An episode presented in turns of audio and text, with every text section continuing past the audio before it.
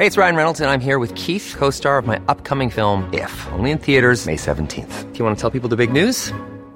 All right, I'll do. Sign up now and you'll get unlimited for $15 a month in six months of Paramount Plus Essential Plan on us. Mintmobile.com slash switch. Upfront payment of $45 equivalent to $15 per month. Unlimited over 40 gigabytes per month. Face lower speeds. Videos at 480p. Active Mint customers by 531.24 get six months of Paramount Plus Essential Plan. Auto renews after six months. Offer ends May 31st, 2024. Separate Paramount Plus registration required. Terms and conditions apply if rated PG. Hey, I'm Ryan Reynolds. Recently, I asked Mint Mobile's legal team if big wireless companies are allowed to raise prices due to inflation. They said yes. And then when I asked if raising prices technically violates those onerous two year contracts, they said, What the f are you talking about, you insane Hollywood ass? F- So to recap, we're cutting the price of Mint Unlimited from $30 a month to just $15 a month. Give it a try at mintmobile.com slash switch. $45 upfront for three months plus taxes and fees. Promo for new customers for limited time. Unlimited more than 40 gigabytes per month. Slows. Full terms at mintmobile.com. A lot can happen in three years, like a chatbot may be your new best friend. But what won't change? Needing health insurance. United Healthcare Tri Term Medical Plans, underwritten by Golden Rule Insurance Company, offer flexible, budget friendly coverage that lasts nearly three years in some states. Learn more at uh1.com.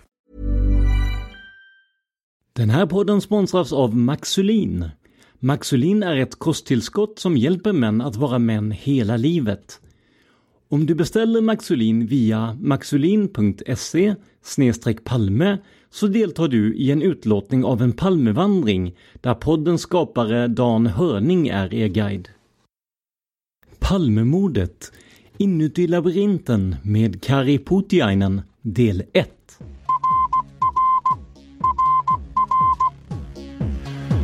Sveriges statsminister Olof Palme är död.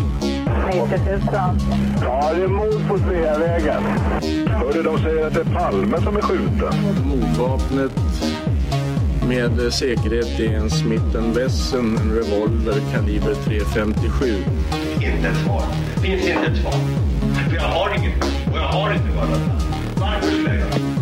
Polisen söker en man i 35 till 40-årsåldern med mörkt hår och lång mörk rock. Välkomna till podden Palmemordet. Jag heter Tobias Henriksson och idag sitter jag här tillsammans med Dan och vi är i Stjärnhov i Sörmland. Eh, det är alldeles i närheten av där bland annat Leif GW Persson och förra statsministern Göran Persson bor. Men här bor också en annan person som är dagens huvudperson, nämligen Kari Putiainen. Välkommen till podden Kari. Ja, tack. Tack. Eh, jag tänkte vi kunde börja från början. Eh, vi vet ju att du är författare, en av författarna till Inuti labyrinten. Eh, du är en av de mest önskade gästerna i podden och så vidare. Men jag tänker om vi, startar från början här. Vad, vad, vad är din yrkesbakgrund? Hur, vad jobbade du med innan, innan du började författa så att säga? Ja, nu är jag ju, jag är väl knappast någon författare. I och för sig tog det många år att skriva den där boken. Men eh, ja, min yrkesbakgrund är att jag är... Eh, man kan väl säga att jag är...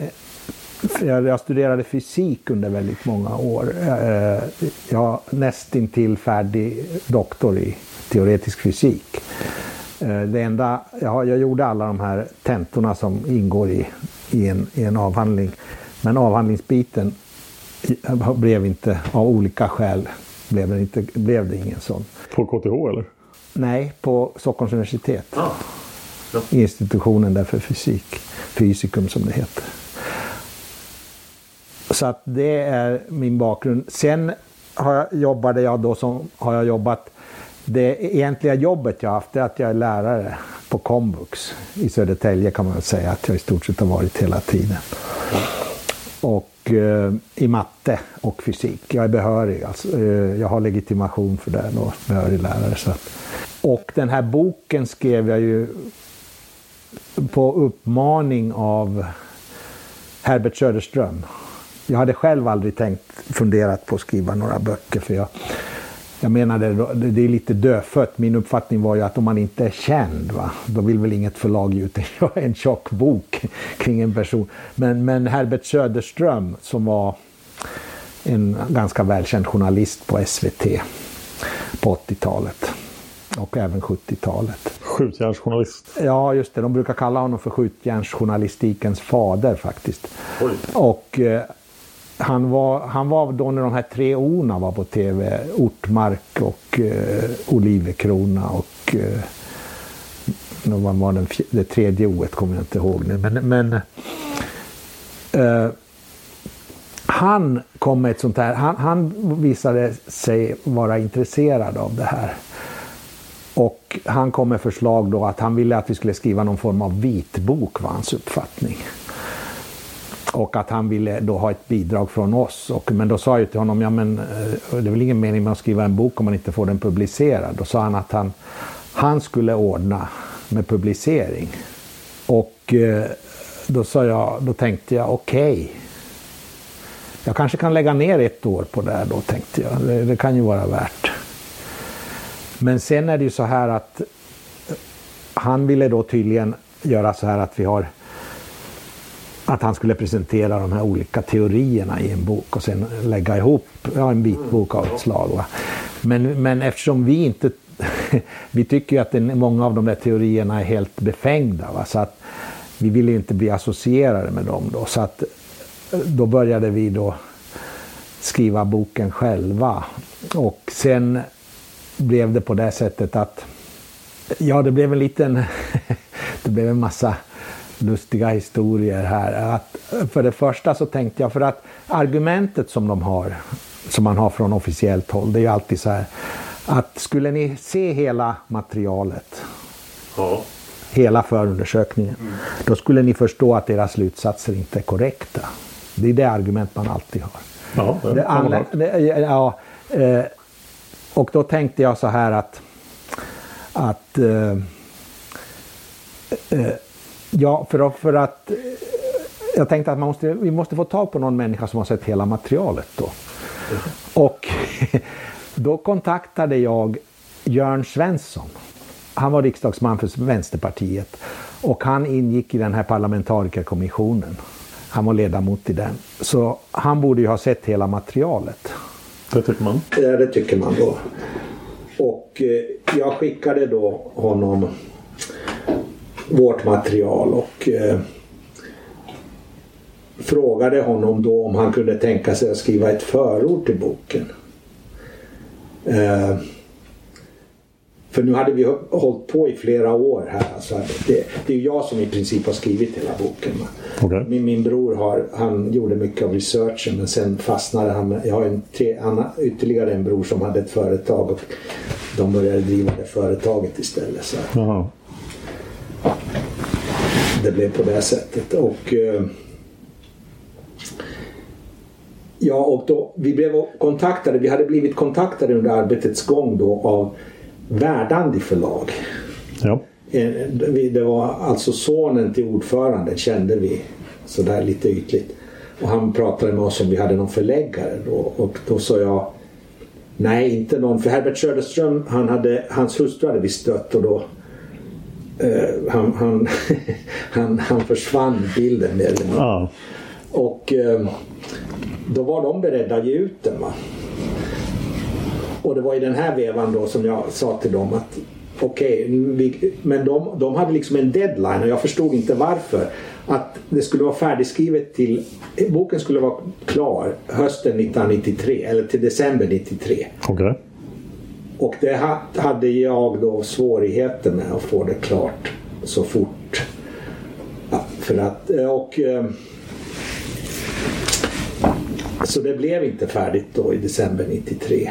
Nej, det känns ju som fel bok att stressa fram. Ja, ja vi, vi, så det var inte klart. Men då sa de okej vi kan skjuta lite både in på 1994 där. Och, och jag talade då om dem att, för dem, jag berättade då för dem att eh, Trost hette han visst, Erik Trost, han som var ordförande. Att det här argumentet kommer ju att framföras mot oss då. Just det här argumentet att har ni hela materialet så drar ni inte de slutsatserna ni har. Så vi måste hitta någon då, så det sa jag till honom, som, som kan tänkas bidra här. Någon som har sett hela materialet. Och då föreslog jag som sagt var Jörn Svensson. Och, och vet vad han säger då? Jag sa, jag sa att jag, jag har pratat med honom och han är beredd att skriva ett förord till boken. Då säger Erik Trost, nej, det kan jag inte acceptera. Det kan jag inte gå med på. Och orsaken var att du vet Lars Werner var ju ordförande för Vänsterpartiet på den tiden. Ja. Och för Jörn Svensson hade väl gått ut i media hade han gjort och sagt att Lars Werner mer eller mindre, jag vet inte om han var så tydlig men mer eller mindre sagt att Lars Werner är en, al- en alkoholist. Okej. Och det menar ju då Erik Trost att han gjorde en sån grej där så vi kan inte ha honom som, som han kan inte vara, vara en sån som skriver förordet till boken säger han då. Okej. Meningen var att det skulle komma ut då på Verdandi. Och eh, då försökte jag ju övertala och säga till honom, ja men, men han, han måste väl inse värdet av att man har någon person som går i god för att de här slut, det här slutsatserna och sånt eh, stämmer. Det är ju viktigt. Ja, Och efter en del diskussioner så kom vi då fram till att okej, vi, vi kan gå med, jag kan gå med på att han skriver ett efterord. Okej. och, och då sa jag att, eh, då sa jag till här Trost att ja, jag vet ju inte om han är beredd att, om han inte får skriva förord, om han är beredd att ställa upp på ett efterord så jag måste kontakta honom och fråga. Och han, var, han ställde upp då på efter, för jag berättade det här för honom då, eh, Ja. eh, den här Trosts invändningar och då accepterade han att skriva ett efterord istället till boken. Ja. Så att boken har ju, jag vet inte om du har tittat i den, alltså det finns ett efterord av Björn Svensson i den. Och meningen, Jag har aldrig tänkt på att det var ett efterord faktiskt. Nej, men meningen var att det skulle vara ett förord. Så jag fick själv skriva ett förord. Och, eh, så att det var en sån här tur. Och sen så hände det saker där 94 på Verdandi. Den här Erik Trost då, han blev anklagad för att ha antastat lite sån här lite metoo-stil. Att han blev anklagad för att ha an- antastat, han var under 94 där. Då. Antastat kvinnliga medarbetare. Och han tvingades ju avgå då. Och då föll hela... Det här var under 94. Det kanske var därför de hade den här deadlinen. De kanske misstänkte de här sakerna. Och eh, så då föll hela den värdande grejen ihop då eftersom han, Ja. han var tvingad att, att gå. Va? Och eh, då föreslog han själv att vi skulle gå till eh, andra förlag och försöka få den publicerad. Och då gick vi ju... Ja, jag, kom, jag gick till eh, eh, ett förlag, nu kommer jag inte ihåg, det är ett mindre förlag. Det det är en kvinna som är ordförande, vad heter de? Det är ett ganska känt förlag. Men, men sen gick jag till slut till Bonnier. Ja. Och eh, då fick vi... Jag ringde dem och jag fick träffa... Eh, meningen var att vi skulle träffa någon sån här förlägg, någon, någon som jobbade där då. Men, men då säger den här kvinnan som jag skulle träffa där att "Nej, det är lika bra eftersom Albert Bonnier själv är intresserad av det här. Att ni träffar honom. Va? Albert Bonnier då, junior. Ja. och eh, det gjorde vi. Och eh, då sa han ok- okej, han, han tog, vi pratade med honom och då tog han material. Den, boken var inte klar utan det var, det var liksom såna här i, i mappar varje kapitel. Då tog han alla de där och eh, sa att han skulle titta på dem och sen höra, höra av sig om, om, om ja, om han inte hört av sig inom två dagar skulle kontakta honom. Och då hörde han faktiskt av sig redan nästa dag. Ringde han och sa ja, ja, det här är intressant. Jag, jag är liksom beredd att ge ut det här, säger han till mig. Men först, först måste Först måste då en, en sån här, eh, vad kallar de, recensent eller vad det heter, läsa det här. Va? Han- Man lämnar över det till någon att läsa. Och då säger jag, och då, då har han Albert Bonnier det här förslaget till mig, det här vi pratar via telefon. Han säger jag, har- jag funderar på om vi skulle be Leif GW recensera. det här." Aha.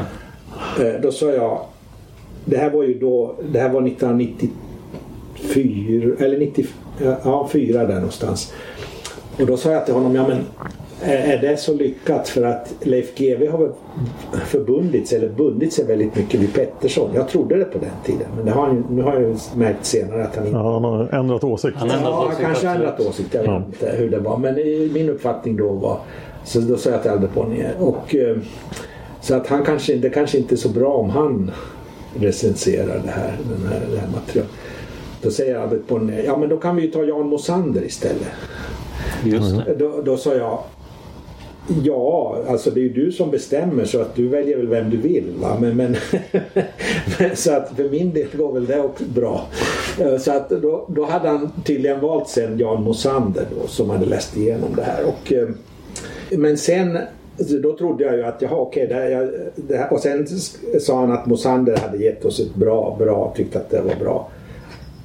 Och eh, materialet var fint och så. Då trodde jag okej, att, men sa, att nu, nu kanske det ges ut på Bonnier. Men då säger Albert Bonnier att ja, jag var den enda på vårt förlag här som var för det här projektet, säger han till mig. Jag var ensam för det. Okej. Alla andra var emot det. Och då frågade jag honom hur kommer det, varför var de emot det? Ja, de pratar om ekonomin. Att, att det kommer inte bli- bli någon bra ekonomi på det. Ja. Och så säger han till mig att ja, eftersom de alla var emot det, jag, ville jag inte med tvång driva igenom det heller då. Så att eh, det, det blir... eh, så vi kommer inte att ge ut det då på Bonnier Alba som det. Ja. Men samtidigt sa han till mig att som lite plåster på såren så, kom, så ska jag ge dig. För normalt sett så får man ju inte veta de här eh, recensenterna där de skriver. Nej. Men han, han sa att jag ger dig där, man, där han, Jan Mosander har skrivit. Och, eh, och sen kan du gå till andra Bonnier-förlag. Gå till andra Bonnier-förlag och prova där. Och eh, eh, vi gick till några till. Men, eh, och sen gick vi... Eh, men och, ja just det, sen, jag läste ju det Mosander så det var, det var bra. Och, och Mosander hade ett förslag hade han där då att, att vi borde eftersom bok, det är lite komplicerat, materialet är ju lite, massan är lite komplicerad. Så vi borde skriva till varje kapitel skriva som han, han hade Guide Michelin. han visade en sorts sammanfattningar efter varje kapitel. Ja. Och det blev lite extra jobb då men då tänkte jag okej eftersom det där kan ju vara en bra grej. Skriva lite korta sammanfattningar. Så att eh, då, då försköts det ännu mera då. Det här och vi gick till de andra Bonnier-förlagen. Vi träffade bland annat Jonas Modig hette han visst som var chef. Vad hette det? Nu kommer jag inte ihåg alla namnen på Och som, han, han, var ju, han gav ju ut Holmers böcker. Jaha. Okej. Okej. Ja, han, han, vi, vi pratade ganska länge med honom och han, han menade ju då på att för att det snackades ju mycket om att Holmér var så himla bunden i PKK-spåret. Och då säger han att den uppfattningen har inte han. Han har pratat med Holmér har inte alls varit fanatiskt in- inriktad på PKK-spåret. Ja. Utan, och från början var han inte det heller i utredningen. Det var ju den här 33-åringen. då. Ja. Precis. Det här eh, PKK-spåret var Säpos spår. Det var ju, de, de, de tog in de här kurderna redan första veckan Säpo till förhör. Ja. Så att... Eh, så det var inte så. Men i alla fall, sen gick vi till något tredje Bonnier förlag. Det var tre förlag, Albert, Alba och sen... Men de var inte intresserade. Sen gick vi, sen gick vi till Norstedts då. Och där fick vi pra, prata med en kvinna och eh, hon skulle då lämna ut det där då till någon som skulle, precis som hos Bonnier. Och eh, efteråt, eh, ganska långt efteråt så fick jag veta att, eh, att det var den här förre rikspolischefen som hade läst det här. Eh, vad, hette han? Eh, det namn, namn, det är så många namn som man glömmer lätt bort. Det är en del namn att hålla reda på. Ja, just det. Han var, han var rikspolischef han var 80-90-talet. Han hade läst det och, och enligt... Sen när vi pratade med, med den här redaktören på Norstedt så sa på telefon och säger hon att ja, ja, ni, ni fick goda vitsord av honom. Av vår, hon, talade inte om vem det var, men, men vår man, han gav, han gav er goda vitsord. Men, jag, men jag, jag, jag tycker ändå inte att jag kan ge ut den här boken. Okej. Och eh, jag, jag, jag liksom, det, kän, alltså, det känns inte som att vi kan ge ut den ändå. Va? Jaha, så då stannade det där och till slut så bestämde vi oss då att eftersom mina bröder hade ett företag och då gick det bra fortfarande. Gick, det företaget gick bra ända till den här dotcom-bubblan sprack. Men, då. men, men, men, men det gick bra då så då tänkte jag då ger vi ut en bok vi, vi skriver om lite i bolagsordningen. Alltså min lillebror här Pertti skriver. Han, han har skött ekonomin där. Och så att vi ger ut böcker också. Och det är väl den enda boken vi har gett ut. Så då gav vi, har vi döpt, de döpte det förlaget då till Grimur förlag eftersom Ja. min mellanbror då som är eh, som, som liksom ledde företaget. Hans hustru är intresserad av islandshästar. Aha. Och Grimur det, det var ett namn på någon häst då. Som... och, och, och, och, så då tänkte jag ja, det låter bra. Grimur förlag, det kan det bli ett bra namn. Så att det är en del då i det här företaget som de hade. Och då gav vi ut den där. Vi gav ut den i... Vi tryckte upp på Fält och Hässle 3000 exemplar. Och... Eh, ja, den sålde ju hyfsat. Eller hyfsat, jag vet inte vad som är hyfsat. Man, för att vara okända författare och så här. Vi gav ut den alltså 1995. Ja. Och eh, 1900, vi fick bra recensioner. Bland annat P.O. Enquist skrev en recension i Expressen. Och den var, den var bra. Olle Alsén ringde oss. Och det, Olle Alsén som var ledarskribent på DN. Han var ju också intresserad av det. Han ringde oss och sa att ja, ni, ni, ni har fått mycket fin recension där i Expressen. Ja, och eh, det, det han var besviken på P.O. Enquist det var att vi inte löste någon. att vi inte hade löst det. Då tänkte jag hur kan han kräva 300 poliser jobbar, jobbar då ska två sådana här privatpersoner lösa det. Det är ju ganska orimligt. Alltså. Och eh, sen så eh,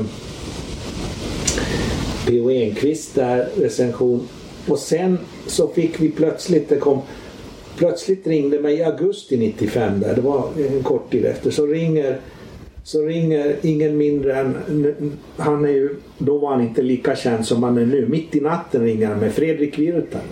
Jaha. Aftonbladet ringer mig mitt i natten, klockan tre på morgonen. ja. Härligt. och, och, och säger att har, har, har ni inte sett, han frågar mig, har ni sett eller Kjell-Olof Fält kommer att skriva om er bok. Det var alltså DN skulle komma ut på morgonen. Han, hade, väl sett, han hade väl sett det då. Det var alltså samma morgon som DN skulle... Kjell-Olof Fält hade ju en, en spalt i DN på ledarsidan där. Han kommer att skriva om en bok. Då sa jag, jaha, ja, ja, det har inte jag vetat. Och då skulle vi vilja göra en liten artikel också om det. Men vi behöver er på bild. Ja. Någon av er på bild. Då sa jag, ja men det finns ju det finns ju bilder sådana här. Så de har ju en del bilder hos, det finns ju presstjänster och det heter. De har tagit, det, har folk, det finns tidningar som har tagit bilder på oss. Kanske kan hämta någon bild därifrån. Så att de, vet du vad han säger då? Ja men det går ju inte. Det här är ju mitt i natten. Så vi kan ju inte, vi kan ju, vi kan ju inte gå och få fram en bild nu. Nej. Då sa jag ja, och han kunde inte vänta alltså. Då säger han till mig, kan du tänka dig att ta en taxi och åka in hit till, eh, vad är det, där, eh, Aftonbladet eh, i, i Globen där, Globenområdet där och komma in hit så tar vi en bild på dig. Då sa jag, ja det här är ju i och för sig mitt i natten. Då säger jag, ja men, men, men, men vi betalar allting. Och vi, vi skickar dit taxi, jag bodde i Huddinge då. Ni skickar, vi skickar en taxi. Och eh, eh, så då sa jag okej, ja, ja, jag får väl gå och göra, jobba lite för den här boken då för att få den. Tänkte jag för mig själv. Och så då, då skickade han taxi och, och eh, sen åkte jag med taxi till Globen. Och där, där så träffade jag honom då. och då. Han, han, hade, han, han visade mig det han hade skrivit. Han sa att du kan läsa igenom det här. Vad tycker du? Och då, när jag höll på och läste så kommer två killar från redaktionen där och rycker i att de, de, nu, nu, måste det här, nu måste vi ha det här. Och rycker i det.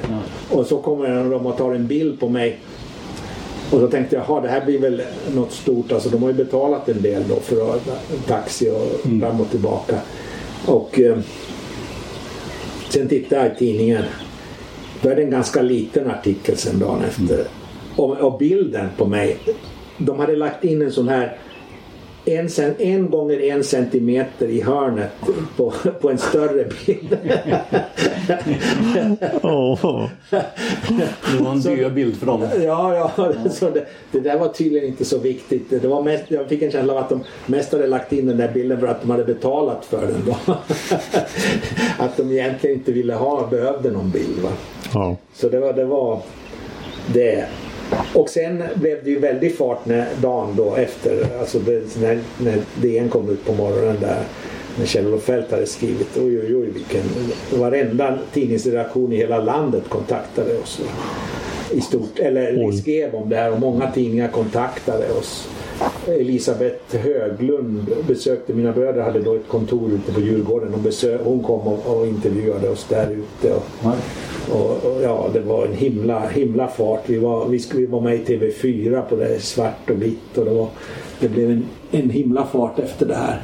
Kjell-Olof Feldts eh, artikel om boken. Och, eh, men vad hände sen? Dagen, alltså det, här var, det här var en torsdag. Dagen efter på fredag så meddelade Ingvar Carlsson att han tänkte avgå som statsminister. Och då dog hela det här som var med oss. Då blev det intressanta blev det här med att Ingvar Carlsson avgår. Och det var lite lustigt för att han skulle först avgå i mars. Det här var i augusti va? Ryan Reynolds here from Mint Mobile. With the price of just about everything going up during inflation, we thought we'd bring our prices down. So to help us, we brought in a reverse auctioneer, which is apparently a thing. Mint Mobile unlimited premium wireless. Ready to get 30, 30, bit to get 30, bit to get 20, 20, 20, bit to get 20, 20, bit to get 15, 15, 15, 15 just 15 bucks a month. So, Give it a try at mintmobile.com slash switch. $45 upfront for three months plus taxes and fees. Promo rate for new customers for limited time. Unlimited more than 40 gigabytes per month. Slows. Full terms at mintmobile.com. Planning for your next trip? Elevate your travel style with Quince. Quince has all the jet setting essentials you'll want for your next getaway, like European linen, premium luggage options, buttery soft Italian leather bags, and so much more. And is all priced at 50 to 80% less than similar brands. Plus, Quince only works with factories that use safe and ethical manufacturing practices. Pack your bags with high-quality essentials you'll be wearing for vacations to come with Quince. Go to quince.com slash pack for free shipping and 365-day returns. Quality sleep is essential. That's why the Sleep Number Smart Bed is designed for your ever evolving sleep needs. Need a bed that's firmer or softer on either side? Helps you sleep at a comfortable temperature? Sleep Number Smart Beds let you individualize your comfort so you sleep better together. JD Power ranks Sleep Number number 1 in customer satisfaction with mattresses purchased in-store. And now, save 50% on the Sleep Number limited edition Smart Bed for a limited time. For JD Power 2023 award information, visit jdpower.com/awards. Only at a Sleep Number store or sleepnumber.com. Så att, och en del, eh, jag vet inte, en del menar på att Ja, en del tyckte så att jag och Sven och många som har lite Sven ner och en del som har kanske lite mer konspiratorisk läggning. De tyckte ju att det här inte var någon tillfällighet att han avsiktligt ville döda det här alltså. Det var några som menade på att, att eh, ja, de hade en sån här teori att att ja, Va- Gunnar annat hade den här teorin då att, att det här handlade egentligen, Kjell-Olof Feldts artikel handlade inte om vår bok egentligen. Utan han ville bara ge silkesnöret åt Ingvar Carlsson. Det var någon sorts del i någon sorts maktkamp. I det, liksom, ja, i, eh, Kjell-Olof Feldt ingick ju inte längre då i regeringen men, men inom partiet då. En sån konspirationsteori som jag egentligen aldrig har trott på. Men, men det, det är lite lustigt alltså dagen efter. Det blir en enorm... Så mycket till att dagen efter så kommer Ingvar Carlsson och säger att han ska avgå som statsminister. Och han tänker först göra det en, ett halvår längre fram i tiden. Han Ja. har sagt det.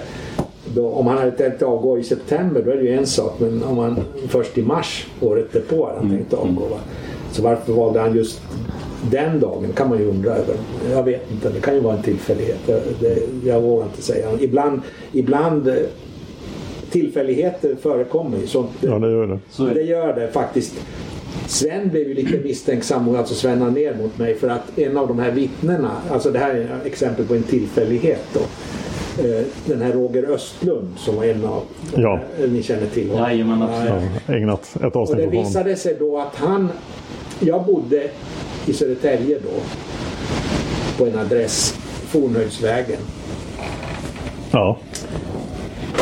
68 var det. Och det visade sig då att Sven hade fått fram att den här Roger Östlund hade att hans post jag vet inte om han hade någon bostad men i alla fall hans post skulle gå till just samma adress som den jag hade. Så du hade Roger Östlund boende i källaren? Ja, nej men jag bodde i ett, ett hyreshus. fast Det var ju flera ja, våningar. okej. Det var inte så att det var någon, eh, Så att det var väl en sex våningar i det här huset. Men, men, men det var i alla fall samma port, va? 68. Ja. Och eh, det gjorde ju Sven misstänksam tror jag. För han ringde, Sven Anér ringde mig och sa så här att Eh, kan du eh, gå till eh, tingsrätten i Södertälje? Kan du gå dit och ta fram, få se hur var det? Hade Roger Östlund, eller ja just det, hans bror hade visst dött eller hur det var. Och han hade ärvt lite pengar. Kan du gå och ta fram det där testamentet, broderns testamente eller vad det var. Eh, och se hur, hur det eh, liksom, eller var ungefär, han var intresserad av varifrån han drog i Östland. han hade visst köpt någon bil och sånt där. Och han hade fått sina pengar ifrån. Då sa jag okej det kan jag väl göra. Jag kan väl gå dit och begära ut det där. Eh, Södertälje var det tingsrätt eller vad det var. Och, eh, och då gjorde jag det. Och sen skickade jag det till Sven ner. Sen var det tyst, han sa inte mer men alltså jag, jag förstod inte riktigt varför han ville att jag skulle springa dit. Och, ja, jag misstänkte att han, för att det, han hade ju den där samma adress som jag. Men det, det är alltså sådana där, och det är ju en tillfällighet. Inget med honom att göra. Jag kände inte honom, jag aldrig träffat honom. Inget med honom att göra. Men ändå så har han liksom post... ja, Jag tror, han tror inte han bodde där men någon där tog hans post. Va? Ja. Som han hänvisade till. Då. Så att... Och det är ju sådana här tillfälligheter förekommer. Så att man kan aldrig, man kan aldrig liksom, om man är konspiratoriskt lagd så ser man ju aldrig någon tillfällighet. Utan då finns det något, något, något konsp- någon, någon konspiration bakom. Va? Men, Ja. men eh, jag bara tar det här exemplet med Ingvar Carlsson. Det kan jag, inte, jag, jag vågar inte säga hur det var. Men, men, men, eh, så att eh, det var sådana här turer då. Först det var publicering av boken och sen, sen när boken kom ut blev det ju och vi sålde ju slut då. Det blev ju en väldig uppgång i försäljningen när, Kjell-Olof Feldt skrev. Och vi hade tryckt 1000 ex och vi sålde slut om eh, ungefär, eh, när kan det varit, 98 där någonstans. Det var tre år. Ja. Och eh, då skulle vi ut i, då ville ju jag vara den uppfattningen att, att det här, den här boken ska vara tillgänglig. Så då tänkte jag att vi hade ju fått ett litet plus där på ungefär Ja, om man tar räknar bort tryckkostnaden ungefär på 80 000. Då tänkte jag att, att okej, vi använder de pengarna till att trycka ett nytt. Ett nytt. Alltså jag, jag hade skrivit, hållit på i flera år och skrivit. Jag har inte fått ett öre kan jag säga i ersättning för det jobbet någonsin. Men, men, men så jag tänkte att vi trycker nytt och då, då gjorde vi det då. Vi la in den där och tryckte vi, det gamla tryckeriet Fält och Hässle men, men vi tänkte vi kanske kan trycka mindre upplaga men de säger att minimum för oss sa de därifrån är, är 1000 ex.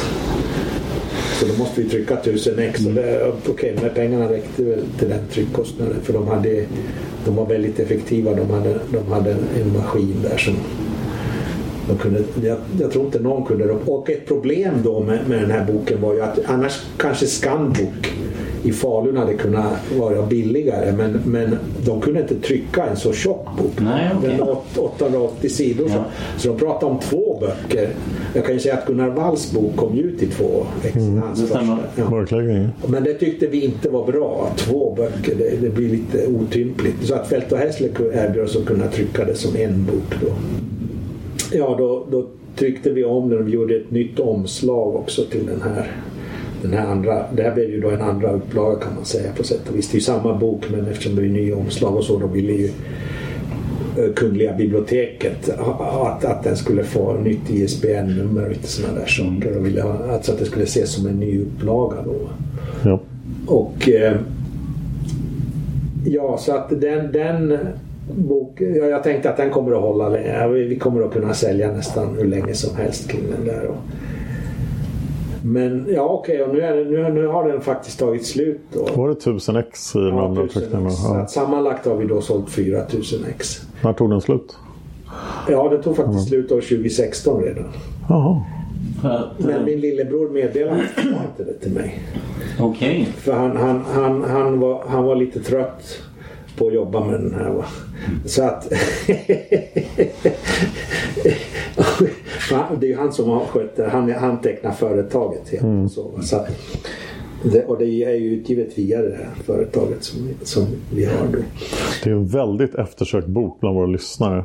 Och det har varit uppe auktioner där boken har gått för över 1000 kronor. Alltså, Ja, Mellan den 1000 är, och 1200 kronor. den är jätteeftertraktad. Jaha, nu kan Det, det är den populäraste boken absolut som folk letar efter. Den och Borgnäs eh, En iskall vind. Som inte heller är... Vilken Den är också slut. Borgnäs? Borgnäs boken Iskall vind drog genom Sverige. Den är också slutsåld. Ja, den här blev slutsåld då. Nu, nu sålde jag ju eftersom jag hade några. Jag hade kanske, jag hade väl, vad hade jag? Mm, Lite drygt 30 ex här. Ja. Och då, då föreslog jag min bror då att ja, vi, vi, vi ska väl sälja slut på allting. Och, så att då, har- alltså, då sålde vi de på, på Adlibris, via Adlibris. Då Adlibris beställde. De, de ville inte ha något i lager utan via beställningar. De beställde 53 böcker på en gång. Vi trodde att okay, det kanske skulle ta ett halvår de här lite drygt 30 men När var det? Det var, det var alltså nu. Ja, det var det som hände. Vi noterade det. Jag försökte köpa fyra stycken men jag fick inte en enda. En, av våra lyssnare fick igenom en order på en bok tror jag. Ja. Men när du la en order på fyra böcker Dan så... då tänkte Nej, de tog tyvärr 53 böcker ville Adlibris ha men jag hade bara 34 va. Ja. Så att... eh, eh, Det var det som hände. Det förklarar en hel del. Ja, ja så- och eh, så de, de tog försvann där då och då har vi börjat diskutera en ny en ny tryckning här igen då. Men det är ju lite grann som med, med film. Man måste om man gör en film vet, du, måste man ligga ute med massa pengar och Ja. sen hoppas att de kommer igen någon gång. Ja. Och eh, ja, men jag har ju tänkt att vi ska, vi ska trycka nytt här nu. Men jag håller på, vi håller på att jobba lite på det där. Jag håller på Jag har inte kontaktat så många förlag än men jag, har ju, jag måste överföra. Jag har, jag har alltså boken för att det var ju eh, man, de vill ju ha den i pdf-format. Och eh, jag har den på disketter men jag skrev ju den på alltså sådana här gammalmodiga disketter hela boken. Men jag skrev den på, i Word Perfect. Och det, det, det, lätt, det går att konvertera Enk, Word konvertera, alltså Word Perfect går att konvertera till Word om man har text. Men nu, nu har jag lite grafik där som det visar sig att det har blivit lite patrull på att rakt av konvertera det till Word. Va? Från Word kan man ju gå enkelt till PDF säger mina söner här. Så att det, är inget, det är inget problem. Men, men, så att vi, vi har lite grann den biten. Vi måste göra lite konverteringar där. Och sen får, vi, har jag, var, får jag väl kontakta en del tryckerier här då. Diskutera hur vi ska göra. Det är så vi har fått... Eh, när vi fick reda på att vi kunde intervjua dig så gick vi också ut och frågade läsarna vad de hade för, för frågor. Jag tänkte vi skulle ta det senare men en fråga eh, som kom upp där var om ni planerar att släppa boken som e-bok, alltså i digitalt format. Det är Mattias Junker Lundström som undrar. Det var ju min, min lillebrors förslag här att vi bara skulle släppa den som en e-bok. Eh, Men eh, nu har jag, jag har varit i kontakt med ett förlag här. Jag vet inte om hur lite kontakt här. Vulkan Media som det heter. Och de säger att man får en e-bok gratis om man trycker den i pappersformat. Så att då kan man ge ut både papper och e-bok på en gång. Jag tror att många av våra läsare kommer, många av våra lyssnare ska jag säga, kommer tycka det är väldigt goda nyheter. kommer ju på något sätt att kommer vi nog att ge, alltså ja, det, det är säkert. Vi ska ge ut det på, på något sätt eftersom jag har inte ens varit riktigt medveten om. Ni säger att det är stor efterfrågan. Okej, då måste vi väl ge ut den. Vi har över 25 000 lyssnare. Jag tror ganska många av dem är intresserade av att äga ett exemplar av Ja, jag Inuti ska labyrinten. försöka göra en ny, ny tryckning eller om det blir ny upplaga nu till hösten här så. Och det tror jag många skulle uppskatta. Och jag tror också att situationen är annorlunda än vad den var 2016. Alltså att intresset är mycket större idag Jaha, än vad det var för två år sedan. jaha, okej. Det har byggts upp ett intresse dels genom eh, uppmärksamhet i media. Ursäkta. SVT har eh, kört en dokumentärserie. TV3 har kört sin dokumentärserie. Mm. Alltså intresset har ju växt och... Ja, och nu filter också. Filter, absolut. Ja. Sen har ju eh, det kommit, vi ser ju att genomsnittsålder på de som lyssnar på, på Dans podd eller på vår podd är, är ju, alltså den blir ju lägre. Även folk som inte var födda när mordet skedde lyssnar ju på, på den här historien. Så att eh, jag håller med dig. Jag tror att det är en helt annan situation. Ja, det, tror jag. det är möjligt.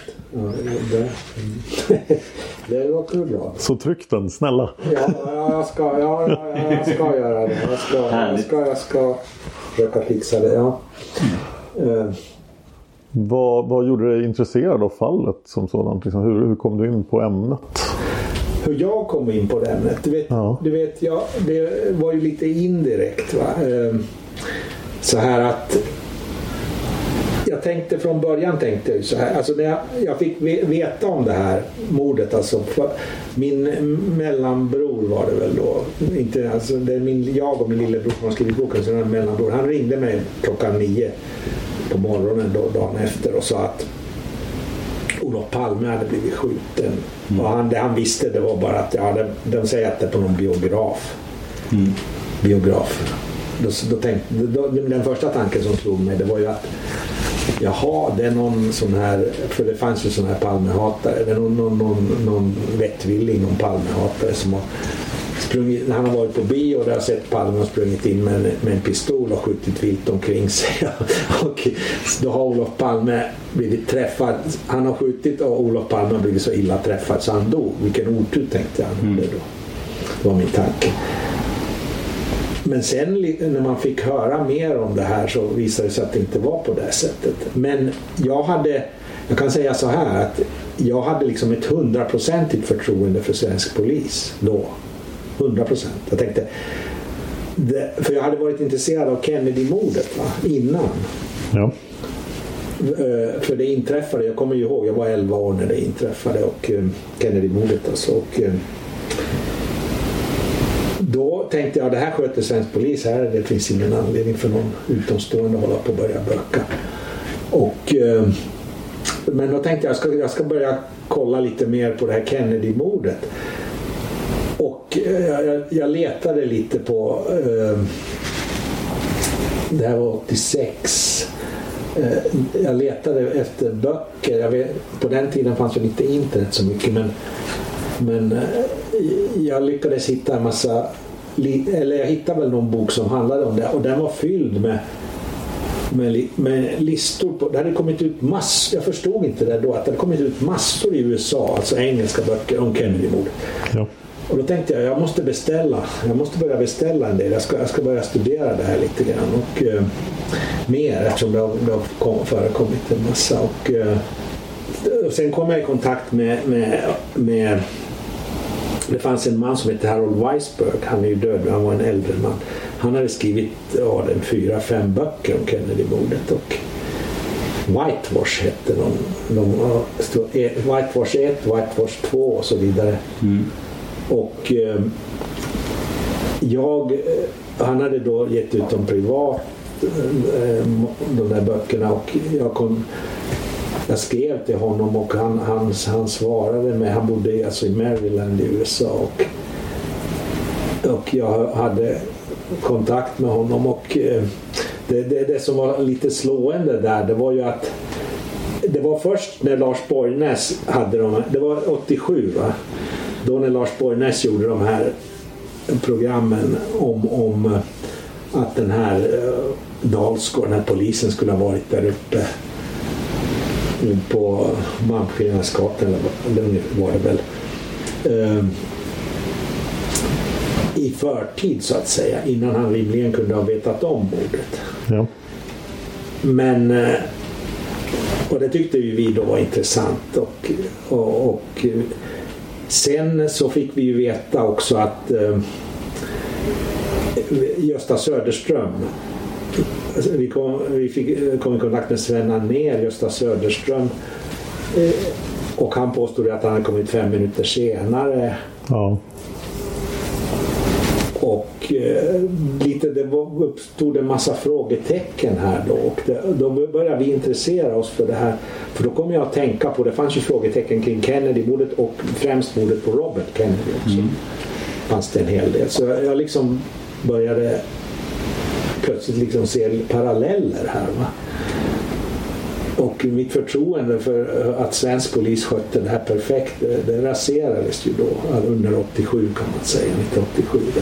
Och det, vi hade ingen tanke på att skriva några böcker men vi, vi ville forska vidare. Vi, vi, vi ville eh, just där kring Söderströms tidsuppgifter och sånt. Eh, och eh, då fick vi veta att eh, Ja, hon, det fanns en journalist på Arbetet som hette Maja-Lena Rodelius. Precis. Hon hade då skrivit en del artiklar om det här mordet och eh, och vi, vi eh, ja, vi, fick veta då att, att eh, för att mota Söderström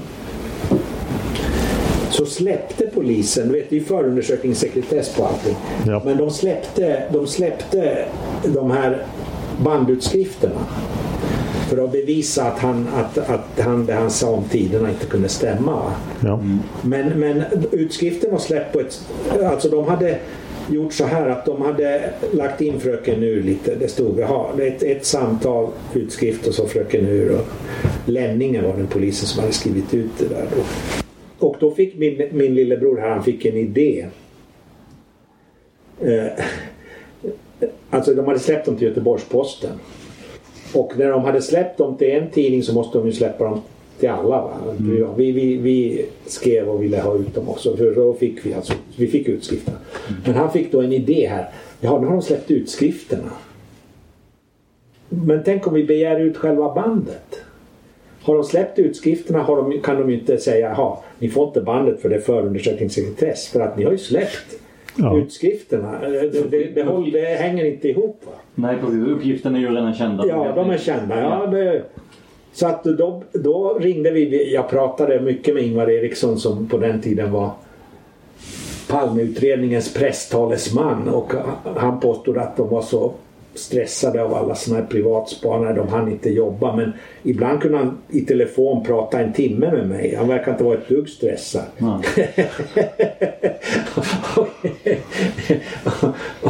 och, och, så, och då, då ringde alltså min lillebror ringde då Ingvar Eriksson och, och liksom sa att ja, ja vi, ni kan ju, vi vill ha det här bandet då. Ni, då försökte han prata runt, runt, runt så här och liksom undvikande. Och, då, då till slut bestämde vi, nu gör vi en formell begäran. Vi, vi lämnar in papper här.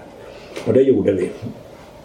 Och eh, ja, då fick min lillebror besked från Ingvar Eriksson. Ja, du kan komma upp nu då. Och då ska vi överlämna bandet när vi gjorde den där formella begäran. Och det han säger till min bror då det är att han, han lämnar ut det här för han har aldrig förlorat i kammarrätten. För vet, nästa steg är ju om de inte lämnar ut så överklagar de till kammarrätten. Han har aldrig förlorat där säger han. Så att, då, då lämnar han ut och samtidigt så säger han att, att eh, ja, vi vet ju vilka ni är. Jag hoppas ni hanterar det här korrekt nu. Liksom. och så, och, eh, så han var den första, du vet det har ju varit många, man har ju ibland på TV och sådär. Vi var först, alltså han var först Mm. Som fick det, den första personen som fick det här ja. bandet, bandet. Och, eh, alltså deras, det var ett kassettband bara. Och de hade då lagt in, de här samtalen hördes så har de lagt in Fröken Ur om Lott. På, först ett samtal, sen kom Fröken Ur och sa en tid och så vidare. Medan i, i originalbandet, det var ett band med 36 kanaler på så att de hade Fröken Ur i en kanal. Och sen hade de en massa samtal i olika, de andra kanalerna. Mm. Så man kunde alltid kolla mot Fröken Ur hela tiden. Det var inte så att det var lagt om lott. Och man undrar varför de hade gjort på det, på det här sättet. För att ett kassettband har ju stereo. De hade kunnat gjort det i stereo. Va? Så att eh, Fröken Ur i en kanal och så. Mm. Men det hade de inte gjort. Så att vi fick ut det där och då gick, jag var lite inspirerad för det fanns eh, i, i samband med Kennedy-mordet fanns det en sån här akust, akusti, akustisk utredning som hade gjorts om, om skotten. Det var, det hade, de hade blivit, eh, skotten i Kennedy-mordet hade blivit inspelade av en polis, liksom, av en polis eh, på motorcykeln. Eh, av, av, som, av en händelse. Han hade lämnat sin mikrofon öppen mm. av en händelse så att det fanns en sån där inspelning och den hade de hade studerats. Och, då tänkte vi att vi kanske skulle göra något liknande med det här bandet. Och min bror tog det till KTH och eh, om man kunde liksom eh, utröna om, om det här var, liksom det var, vi var intresserade av det var om det här var Fröken Ur låg ju omlott och så om det här kunde vara liksom äkta så att säga. För de hade läm- återlämnat original, de hade haft originalbandet i beslag men de hade återlämnat det till länsalarmeringscentraler. Mm. Och där återanvände de banden. Uh, så, och vi frågade Ingvar Eriksson varför de hade gjort det. Och varför, varför, varför, varför hade behöll ni Nej, vi hade, de, de ville ha betalt för det, länsarbetscentralen. Och det var en sån stor kostnad så att vi, ville, vi kunde inte sitta med den kostnaden. Okay. Det var en konstig förklaring. För 32 kanaliga band kostar tiotusentals kronor. Ja, vi hörde 36 var det, men vi, hörde någonting 36. på att det skulle bara kostat 1500 eller något sånt där. Jaha. hörde vi sen. Jag vet inte exakt hur mycket det kostar. Ja, det ju känts överkomligt även för en fattig polismyndighet måste man ja, säga. Ja, och det här var ju en utredning där det fanns massor på Det fanns ju inga, inga begränsningar av resurserna. Va? Så att det var lite... Hans förklaring var lite, lite, lite lustig där då. Där lämnar vi Kari Putiainen för den här gången, men han kommer tillbaka nästa vecka. Ni som tycker att ljudet var mindre bra, ja, ni har helt rätt. Detta beror helt enkelt på att två av våra ljudfiler från intervjun inte gick att kopiera över vid redigeringen. Vi har därför fått använda en backup-lösning för att kunna ge er avsnittet. Palmemordet finns på facebook.com palmemordet. Gå gärna in och kommentera avsnitten och gilla sidan. Vi finns också på Youtube. Bara sök på Palmemordet.